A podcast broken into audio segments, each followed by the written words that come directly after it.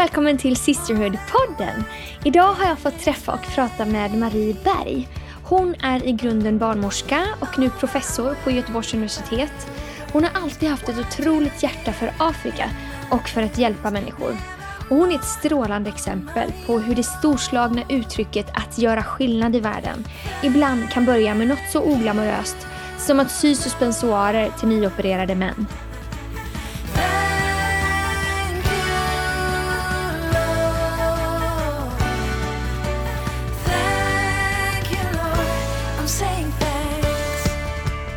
Idag är det ett väldigt speciellt avsnitt för mig för jag har förmånen att sitta här med Marie Berg som är min egen mamma. Tack för att du är med på Sisterhood-podden. Mm, tack! Det är ju fantastiskt att jag får vara det. Eh, var tror du ditt första andetag någonstans? I Göteborg. Jag föddes på något som heter KK. Mm. Och var bor du nu? Jag bor i Göteborg tillsammans med min man i eh, utkanten av Göteborg. Hur ser din familj ut? Det är ju då Urban som jag är gift med. Och sen har jag fyra barn. Jag har en flicka som heter Lina och sen har jag tre killar. En storebror till dig och två yngre. Ja. Mm, och så har jag, har jag lite barnbarn. Ja. Fem stycken flickor. Vi kör, vi satsar på tjejer i vår familj. Okej. Sisterhood. Ja, precis. Vi, vi, vi bygger Sisterhood. eh, om du måste välja, sol eller skugga? Sol. Läsa eller lyssna? Lyssna tror jag. Jag läser ju väldigt mycket så att jag tycker det är jobbigt och det gör i mitt jobb då. Så lyssna låter väldigt skönt. Avslappnande. Eh, jeans eller kostym? Jeans. Om du är ledig en dag då, vad gör du helst då? Oj. Nej, men jag vill nog eh, göra vad andan faller på. Eh, sen så vill jag ju gärna motionera. Och sen är det om jag leder tillsammans med någon utav, till exempel med min man, så får jag göra det som han vill och då kan det bli golf. Annars bara vara, jag är gärna vid vattnet kan jag säga. Ja. Vad gör du en vanlig dag då?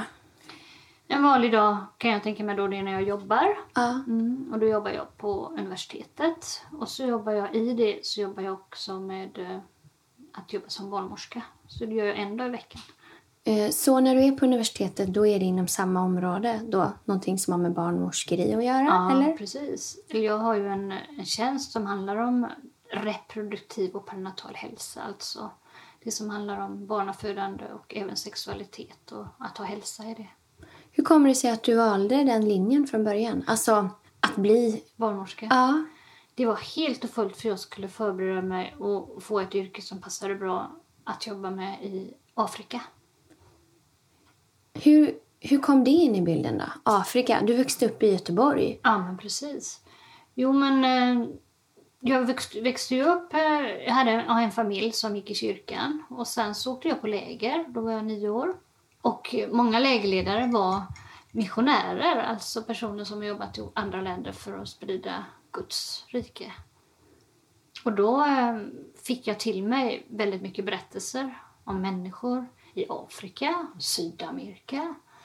Men det där med Afrika, det, det fastnade lite mer. Så du ville åka dit fast du visste inte vad du ville göra där? Mm. Ja, Var det så? eller? jag fick väldigt mycket berättelser om, om, om som de då hade mött, inte minst barn och, och personer som de fick hjälpa som hade det svårt. Och det, det fanns i mig tror jag och det tog tag i mig. Så då kände jag att eh, det vill jag också göra. Och så frågade jag dem, för då var det så här den kyrkan som, som jag var med då, och ju fortfarande, så hade vi ju då de här missionärerna i Kongo, vad heter det, belgiska Kongo. Det har ju bytt namn över tid. Det Ligger alltså mitt i Afrika. Och en var i Burundi, alldeles intill där. Så det blir ju lätt att de blir liksom mina role models. De var lärare och så sa de lärare, då får man ändå jobba med sjukvård så det är lika bra att bli sjuksköterska och ännu bättre att bli barnmorska för det är mycket kring barnafödande.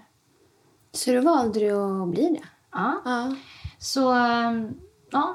Och även innan då så valde jag ju att, du vet, man väljer engelskan och sen ska man välja ett tredje språk och då valde jag franskan för det visste jag att man pratar de här länderna. Du var väldigt målinriktad väldigt tidigt då, Ja, på vad du absolut. ville. Absolut. Hur var det då när du eh, träffade det som blev min pappa? Um, nej men då var jag ju 18, 17 år, skulle fylla 18. Han steg in där jag jobbar ju mycket i kyrkan, jobbar med söndagsskola. Och så steg han in där och så du vet hur det är. Man, man tittar på varandra och så till slut så slog vi han till där. Och, och då var det väldigt tidigt att vi ville stämma av att vi hade samma inriktning på att kunna tänka sig att jobba i ett annat land och i ett land med helt lägre förutsättningar än Ja. det finns i Sverige. Och han ville det? Han hade samma längtan eller? Ja men absolut. Faktiskt var att han fick lite noja där när du vet, man hade haft första pussen och då tänkte han, men jag vet ju inte vad Marie tänker när det gäller det. För det tänkte han väldigt starkt. Men sen eh, när vi träffades igen efter sommaren så hade jag, du vet i gymnasiet, jag vet inte vad det heter nu, men man gjorde specialarbeten. Ja, men det gjorde jag Ja, i alla fall. ja, så jag precis. tror man fortfarande gör det. Och då när vi såg så han hade liksom lite småångest om hur, hur det var väldigt viktigt för honom. Skulle inte jag ha samma inriktning så ville inte han fortsätta. Jag menar, det var ju allvarligt eh, ändå när vi liksom slog oss ihop sådär. Ja. Men för honom var det väldigt viktigt.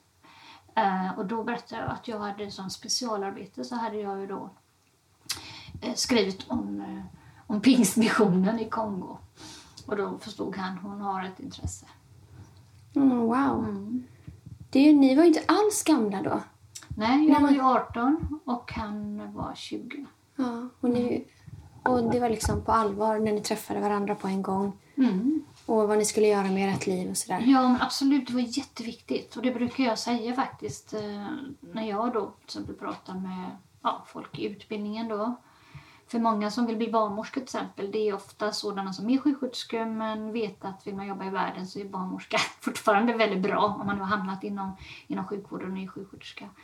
Då brukar jag säga det att eh, ja, berätta om mitt eget liv. Att det var väldigt viktigt. För jag har ju träffat personer som och de kanske inte har varit kristna utan bara ändå vill jobba i ett, och hjälpa människor i andra länder.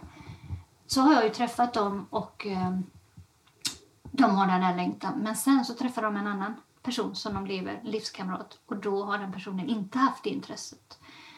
Och då blev det inte så. Och jag förstår ju att det blir en sorg och någonting som gnager. Mm, precis. Men hur, eh, när åkte du ut första gången till Kongo då? Ehm, Då var det 1981. Då var jag 25 år. Så ni var 27 och 25 år gamla Mm. och åkte ut till Afrika Mm. Med, Två barn. med två barn. Visste ni vad som väntade er? Nej, naturligtvis så har man hela tiden, då hade vi hela tiden tagit in när vi, vi fick lyssna till personer som var ute. Och, och vi var ju väldigt inriktade. Då Urban, han, är, han var läkare men väldigt nyutbildad utan specialisering. Och jag var ju barnmorska sedan något år. Och naturligtvis hade vi lyssnat in då med människor som hade det här genom åren. Men man vet ju aldrig vad man hamnar i. Utan, eh, det blev ett halvår där och det visste vi att det skulle vara ett halvår för det var akut kris när det gäller läkare. Det fanns inga nationella läkare. Mm. Kommer du ihåg hur det var när ni åkte då? Eh, dels så reste ni med två väldigt små barn, flyga långt. Mm. Och så kom ni fram till, vart flög ni någonstans? Då hamnar vi via Belgien, Bryssel och sen hamnar vi i Kigali. Det är ju alltså Rwanda, ett Ja. annat litet land precis intill det östra delen där vi jobbar i Kongo. Nej, förlåt, vi åkte till, nu, vi åkte till Burundi. Men först till Kigali, så det var många byten. Jag tror att den kom, tog 36 timmar den. Med mycket väntan och du vet, billigt och kanske inte så smidigt. Nej, precis. Ja men så i Burundi ham- hamnade vi och där hamnade vi på ett ställe som faktiskt för de länderna runt omkring där så hade man en svenska skolan, en skola för missionärsbarn. Där hamnade vi. Våra barn var ju små men det blev liksom att man kunde bo där. Så, så det kommer jag ihåg väldigt väl, den resan. Mm. Mm. Och sen så åkte ni då en bil över gränsen till Kongo. Mm, men då var det ju några som kom från Kongo. Det fanns en läkare och hans fru och de kom hämta oss. Och då vet jag att jag kommer ihåg att dagen efter vi landat och vi skulle åka vidare, då sa de nu ska vi åka och handla. Och så kom vi till en affär, alltså en västländsk affär och så sa de nu får du handla för sex månader. Och då var jag alldeles förbryllad för jag Sex månader! visste inte jag skulle tänka så det blev inte så bra. Ja, så, så var det ju. Men vad, kunde du handla någonting? Eller liksom... Jo, men jag minns bara hur jag sprang där förvirrad och visste inte vad jag skulle tänka. Nej, för du visste inte vad som fanns Nej, men precis. på plats sen. Precis. Ja, kära nån. Vad gjorde ni då när ni kom ut? Så, så Urban då, han blev, det var ju akut på läkare, av läkare. Så, han hamnade ju direkt med, med den doktorn som var svensk också och var helt uppfylld av det hela dagarna. Så han hade det väldigt självklart ja, intressant och han hade en tydlig roll. Eh, De trodde nog att jag skulle liksom vara med mina små barn. Det var ju du och storebror. Men det ville ju inte jag. Jag ville ju göra någonting. Så det var en ganska, väldigt tuff period för, min, för mig att hitta min roll. Kändes det ensamt? Ja, alltså överlag. Jag kan säga att det blev tre perioder i Kongo. Först ett halvår, sen hemma två år och sen ute två år. Hemma två år och ute tre år. Och överlag så fanns det många perioder av ensamhet. Men om vi går tillbaka till den första perioden då så... Eh, ja, men det var väl mer att eh, den var ju ändå så pass kort. Och att, att hitta en roll som var meningsfull för mig. Mm. Så jag brukar säga att jag frågar ju då vad ska jag göra? Jag kommer ihåg då att de skulle, jag skulle sy suspensoarer. Det är alltså när man opererar brock på män. Det var många brockoperationer. Då behövde man det och hålla upp pungen. Men de hade ju inte den sista modellen kvar så att då satt jag där med en eh, handdriven eh, symaskin och eh, skulle komma på modellen och hitta bra material. Det var en uppgift. Men sen så kom jag ner mig på sjukhuset och så såg jag till exempel att när de tog läkemedel så, så delade fick man ta till exempel morgon, middag, kväll. Och så står sjuksköterskorna där och så säger de till patienten du här är morgon, middag, kväll. Och sen stoppar de in alltihopa i tidningspapper och blandar ihop.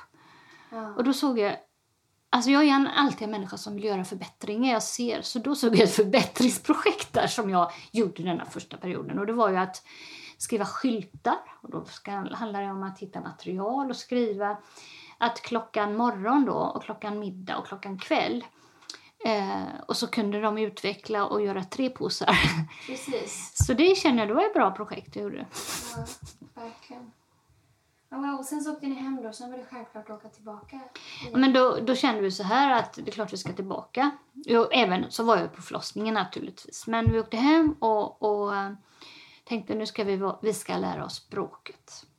För Urban då, han kunde klara sig på franska, för sjuksköterskor pratar franska. Man kan föra rond på franska. Men ska man prata med patienterna så är, och människor i allmänhet då, så är det ju swahili. Så då tänkte vi nästa gång så ska vi kunna språket.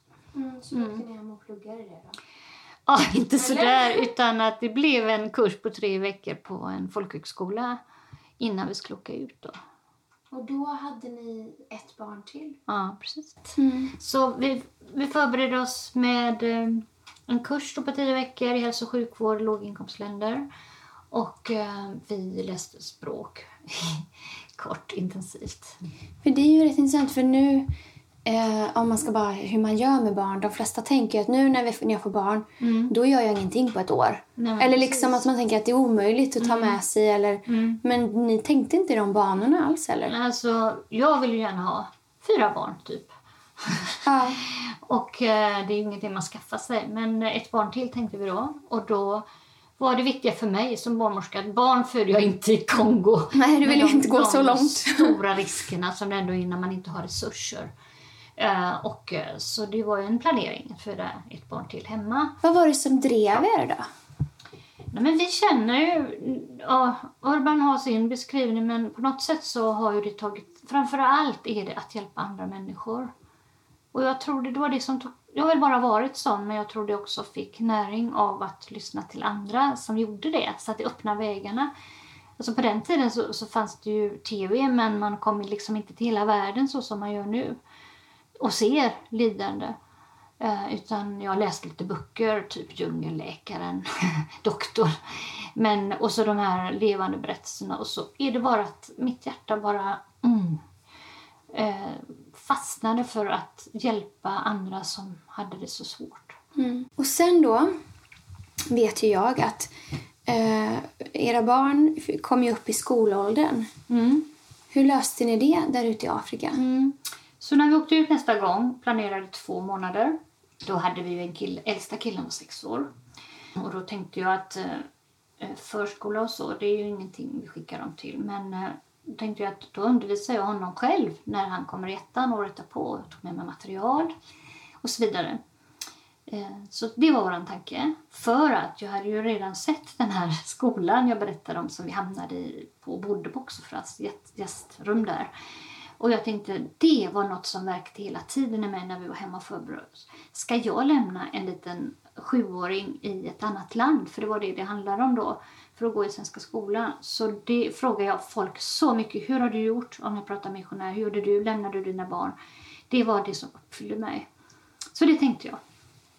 Mm. Att du skulle undervisa honom. Mm. Men sen så blev det ändå så att ni lämnade era barn. Ja, så, nej, men då var det så här att då fanns det eh, ännu fler svenskar och fler barn. Och en familj som jobbade med ett kraftverksprojekt hade en kille som redan gick i skolan och en flicka som var lika gammal som vår äldste pojk då, Tobias. Och då skulle ju de skicka henne när hon skulle börja skolan. Så det, det förstod jag ju då och så tänker jag det känns väldigt konstigt om Tobias ska vara kvar hemma. Så jag kände mig att det inte fanns något val. Så då hamnade han då på Svenska skolan också. Som liten sjuåring. På ett Ja. internat. Hur kändes det som förälder att lämna honom där första gången och åka Mm. iväg? Det var jättetufft. Och då ska du veta att det fanns inga mobiltelefoner. Det fanns inte ens vanliga telefoner. Vi fick inte, fanns inte. Men det var inte direkt så som en eh, dagispedagog kan säga vid slutet av dagen. Ja, idag har han varit lite ledsen och idag, du vet, idag har vi gjort det här. Utan ni fick bara... Mm. eh, Nej men så var det ju. Och vi åkte ju dit. Vi såg till att träffa honom minst var tredje vecka. Och så var det ju skollov och så. Så att vi hämtade och han var hemma hos oss naturligtvis. Eh, men jag minns att när det då hade gått ett helt år och det var skolavslutning. Det var fantastiska liksom allt kring det. Men då brast det för honom. Eh, då skulle vi ju snart åka hem efter två år. Då brast det och då visade det sig att han hade blivit mobbad av en kompis, en skolkamrat. Eh, Så det var ju tufft. Så det hade han burit inom sig. Det hade vi säkert sett men om vi hade liksom träffats oftare och så. ja, precis. Men det är klart för tredje vecka. Då hinner man Mm. inte... Men sen... eh, Sen valde han ändå att komma tillbaka till skolan. Men sen skulle vi vara hemma tänkte vi ändå, två år. Ja. Det är liksom så här, det, man, man landar igen, skolan. Då var det ju två barn som skulle gå i skolan. Eller, ja, eller förskola och skola. Ja. Eh, och ett år liksom bara landa. Men vi ville ju gärna åka tillbaka igen, så tänkte vi. Eh, men han ville inte prata om det här. Jag kan säga att vi börjar ju, man behöver liksom ett år för att tänka säga då nu ska vi åka om ett år för det är så mycket förberedelse. Det är, man ska, på den tiden man skulle packa liksom alla skor för två, tre år ungefär. Mycket sånt där i, i container för det fanns ju inte så mycket att köpa där. Så man var tvungen att försöka tänka Ja, vilken storlek Ja, kan de ha när de är... Mm. Kära. Och jag köpte många Arbete. gymnastikskor. Eh, men då var det mycket lättare för då visste jag vad som fanns och så. Ja. Eh, Men det var ett planerade. Och eh, det tog tid men plötsligt så sa han ska, när ska vi åka till Afrika nästa gång? Så för Då oss, var han redo ja, liksom. För oss var det ett familjeprojekt. Och det var, vi vän- ville vi vänta in honom. Och det, gjorde vi, och det vet jag att det blev en väldigt lycklig period för honom. Då gick han i fyran till sexan. Och så hade han först en, en Det är ju viktigt också att ha någon mer i familjen. Och då hade han sin lilla syster. Det var ju du. Mm. Men var det så då att det var självklart bland alla missionärer att man, barnen var på internat? Ja, men det så man fick det. ju bara prata med andra och se, ja det är så här man gör. Nej men du vet, för mig var det ju inte självklart som Nej. jag berättade. Nej. Och eh, för de andra var det det. Eller ja, det var säkert inte för alla men det var mera att ja, men det är klart att det, det är ju det som gäller. Ja. Och det var många som inte mådde bra, det vet vi ju. Men hur kändes det för dig då? Jag tänker, så var alla barnen hemma på lovet kanske, Mm. sommarlovet. Och sen, sen skulle ni eh, skjutsa hem dem till skolan. Mm. Eh, och så skulle ni inte få träffa dem på tre veckor kanske. Mm. Hur var det att komma tillbaka till hu- det tomma huset där? Du hade kanske alltid något barn. Ja, det hade jag Som också. var Så litet hade och han ett hemma. litet barn där. Men eh, det var ju jättetufft. Fast det var lättare den gången för att jag märkte ju att eh, ni då hade det så bra där. Ja. Och det var ju då för lillebror som sen skulle dit. Det blev ju liksom en retreat för oss. Det var väldigt bra på det sättet att vi tvingade oss åka dit. Eh, Annars hade säkert vi blivit ännu mer uppätna utav sjukhuset. Men för mig var det ändå den där hen- ensamheten vi pratade om. Så Mm. Kunde jag ju känna, Urban var fortfarande, han kunde ju jobba hur mycket som helst. Och det fanns ju alltid så många liv som gick före liksom, vår relation. Och så. Ja. så jag kommer ihåg de här söndag eftermiddagarna som jag pratade om. när inte ni var hemma då och jag gick där själv. Och man kan bli ganska isolerad när man har ett litet barn då. Eh, då kom en sån här som jag kallade lite så här söndag eftermiddagsdepressionerna. när det, det kändes extra.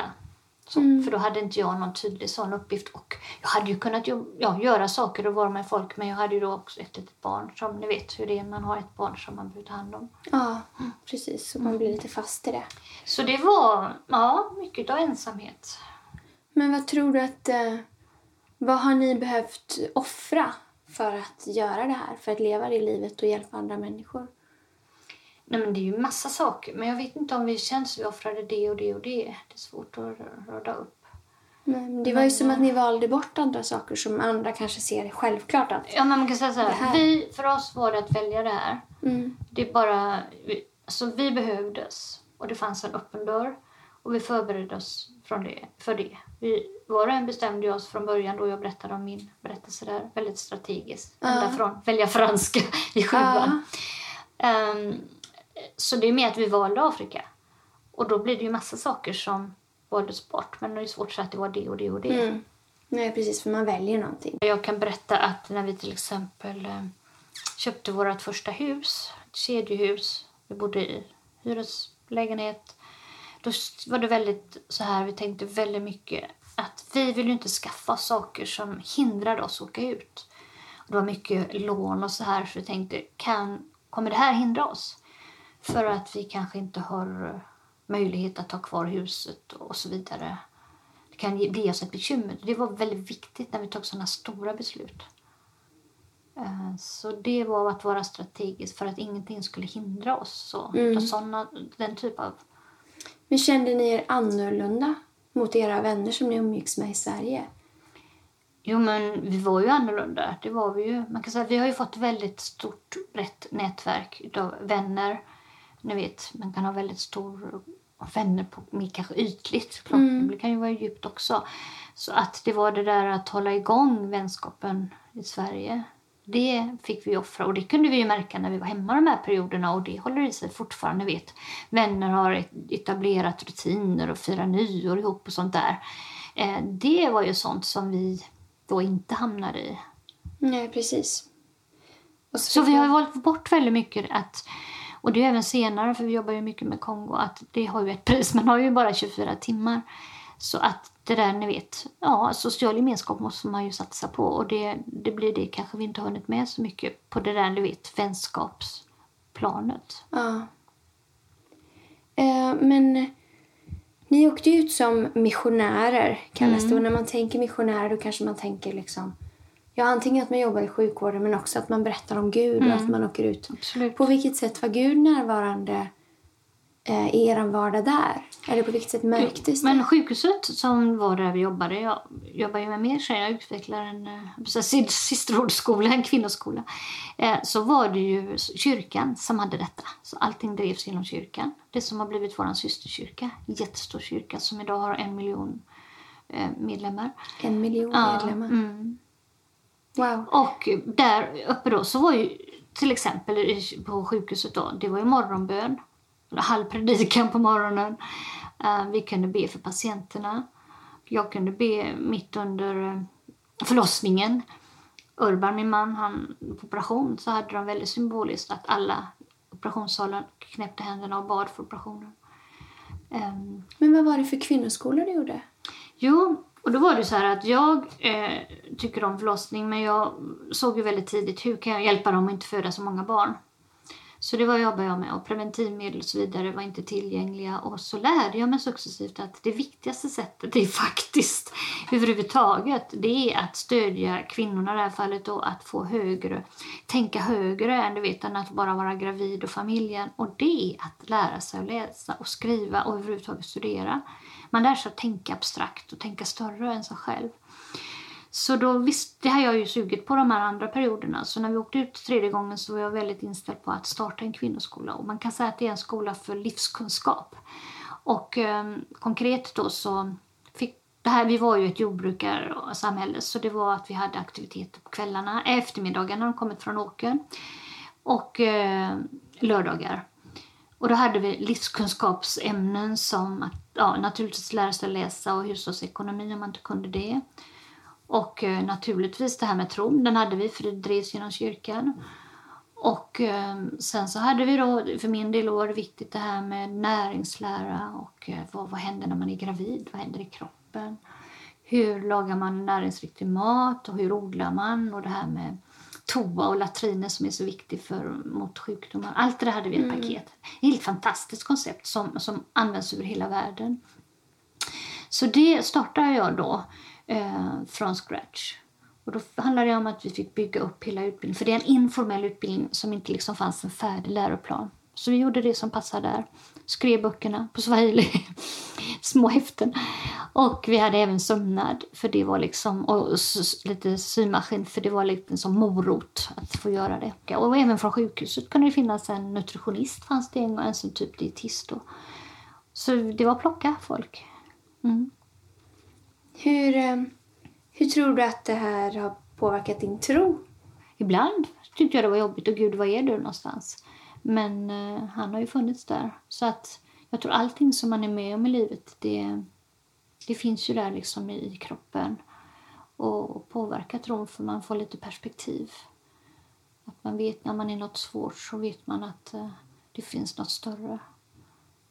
Jag kommer ihåg, vi, alltid när vi satte oss i bilen, det var en väldigt läskig väg dit, sista biten, enkelriktat.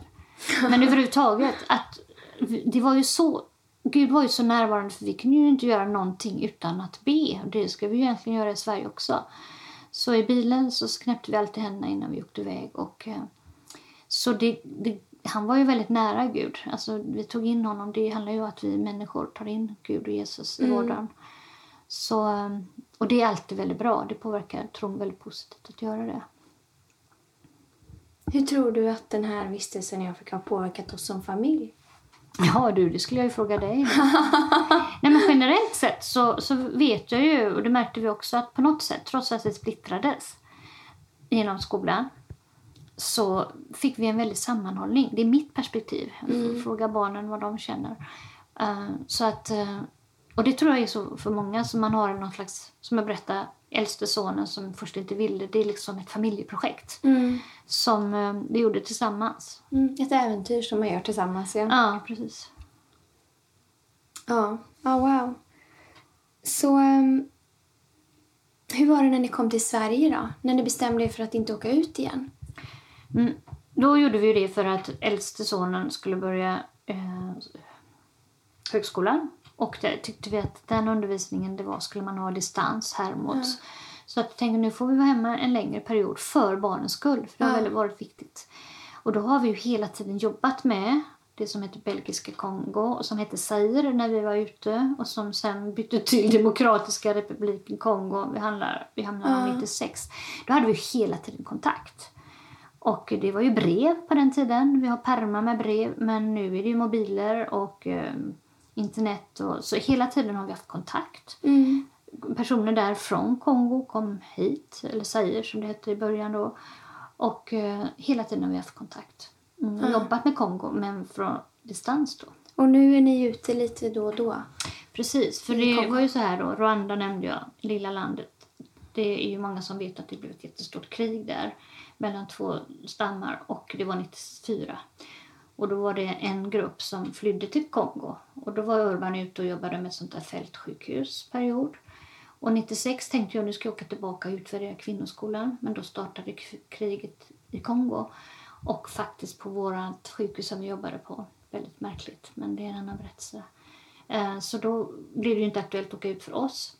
Och sen till slut, det blev många krig. Det har ju talats om Afrikas världskrig och egentligen är det inte riktigt bra än på grund av landets styre. Men 2004 åkte vi ut. Och sen dess så åker vi ut korta perioder. Och um, på den vägen är det. Mm. Kan du sakna att bo där? Liksom? Nej, alltså det, vi har alltid bestämt oss. Jag tror att uh, det är inte så att jag har åkt dit för att det var det var paradiset. Det är Nej. lite grann tvärtom. Det är väldigt påvert. Så det är inte att jag saknar att bo där. Det gör jag inte. Utan att eh, det är nog mer det här det som bara känns att det här... Ja, jag kan jag kan, ja, jag, har ju, jag kan ju som människa stänga mina känslor, men de finns där. Så att, eh, vi har ju nu varit ute och, och jobbar med kanske två veckors perioder. Det är det som har funkat. Jag har kunnat integrera lite grann inom mitt jobb på universitetet. För universitet vill jobba internationellt så att jag har liksom fått ihop det här då. Och eh, ja, men nu gick jag ut vidare där. Men alltså att, att bo där, det är inte så att åh, jag bara längtar efter att få åka nästa. Mm. För det är inget paradis precis. Nej, det, det kan komma ormar på ur hål i väggen. Ja, alltså, ormar var väl det jag var mest rädd för. Då fick jag en bibelord om psalm 91 där det står att man ska kunna trampa på ormar och det ska inte skada oss. Just det. Ormar var min fobi när vi åkte ut. Men det var nog inte det värsta. Eh, jag är inte så rädd för sådana här småkryp och så, men andra är ju det. Mm. Så de finns. Mm. Mm. Och inget varmt vatten och inget vatten alls och ingen ström. Och, och strömmen har kommit i vatt, duschen och och, ja. Kära någon. Om du skulle ge ett råd till dig själv under den tiden när ni var där ute som du hade behövt höra då? Oj. Minns du det? Det var ju ett tag sedan nu. Mm. Våga ta steget för att eh, eh, det är det vi har gjort. Vi har ju tagit ett steg när man inte vet hur det ska bli. Alltså man vågar släppa kontrollen. Men det, det blir bra. Och det rådet skulle jag nog ge mig själv även för tio år sedan. Mm. Och våga göra saker som är, gå utanför ramarna alltså. Ja. Vad drömmer du om nu då? Nu? Eh, jag drömmer nog att eh, kunna få ett, ett liv som är lagom. Som, som jag orkar med. Få ihop det där då med att jobba med universitetet. För det blir gärna för mycket och man blir äldre. Så det gäller ju att uh, hitta det som är lagom men ändå ha plats för Kongo. Mm och ändå fortsätta kunna hjälpa. Absolut, Oavsett, det är ju det som är när jag säger Kongo och det är ju liksom att hjälpa människor. Mm. Så det drömmer jag om. Och vi har ju väldigt många vänner och vi har ju nu utvecklat mycket mer. Vi har bytt det där sjukhuset som det krig. Så jobbar vi med ett annat som är väldigt känt som heter Panzersjukhuset. Och många känner till Dr. Mukwege. Eh, och där jobbar vi med förlossningsvård och eh, det drömmer jag med att fortsätta, att det blir en bättre barnmorskeutbildning. Det har jag drömt i många år. Och det är sådana här drömmar jag har haft som först kan man känna att oh, det blir ingenting. Men det kan komma efter 20 år. Så att eh, lagom att känna att, att, att Kongo finns med och gärna vara med där ute. Men att det blir balans. För det, om det blir för mycket i ens liv så blir det ju aldrig bra. Jag kommer ihåg när jag började jobba på universitetet och det klättrade på. Jag blev ju då, jag skulle bestämma mig om jag skulle bli professor. Och då vet jag att jag frågade Urban mycket, är det värt det? För det är ganska mycket akademiska armbågar. Eh, men eh, jag har alltid tänkt, då, kan det vara till nytta för Kongo och mitt liv där? Och det visade sig att det var väldigt dörröppnare. Eh, så att jag drömmer om att kunna utifrån vad jag nu hamnat i, i den situationen kunna använda det för människors bästa och för Guds rikets utbredning i Kongo i Sverige. Mm. Mm. Tack för att jag fick prata med dig idag. Tack. Marie inspirerar mig verkligen i att leva för något mer än sig själv och att hjälpa andra. Och också att tänka utanför boxen. Att offra lite av sin egen komfort för att göra en bestående förändring i någon annans liv. Jag är dessutom otroligt tacksam att jag fick växa upp som jag gjorde. Det var en fantastisk miljö. Och jag tror att det har gett mig ett större perspektiv på världen och på livet. Och jag är också tacksam för att rädsla, ovisshet eller bekvämlighet inte hindrade mina föräldrar att göra det som de upplevde att Gud la på deras hjärtan. Vad har du som riskerar att hindra dig?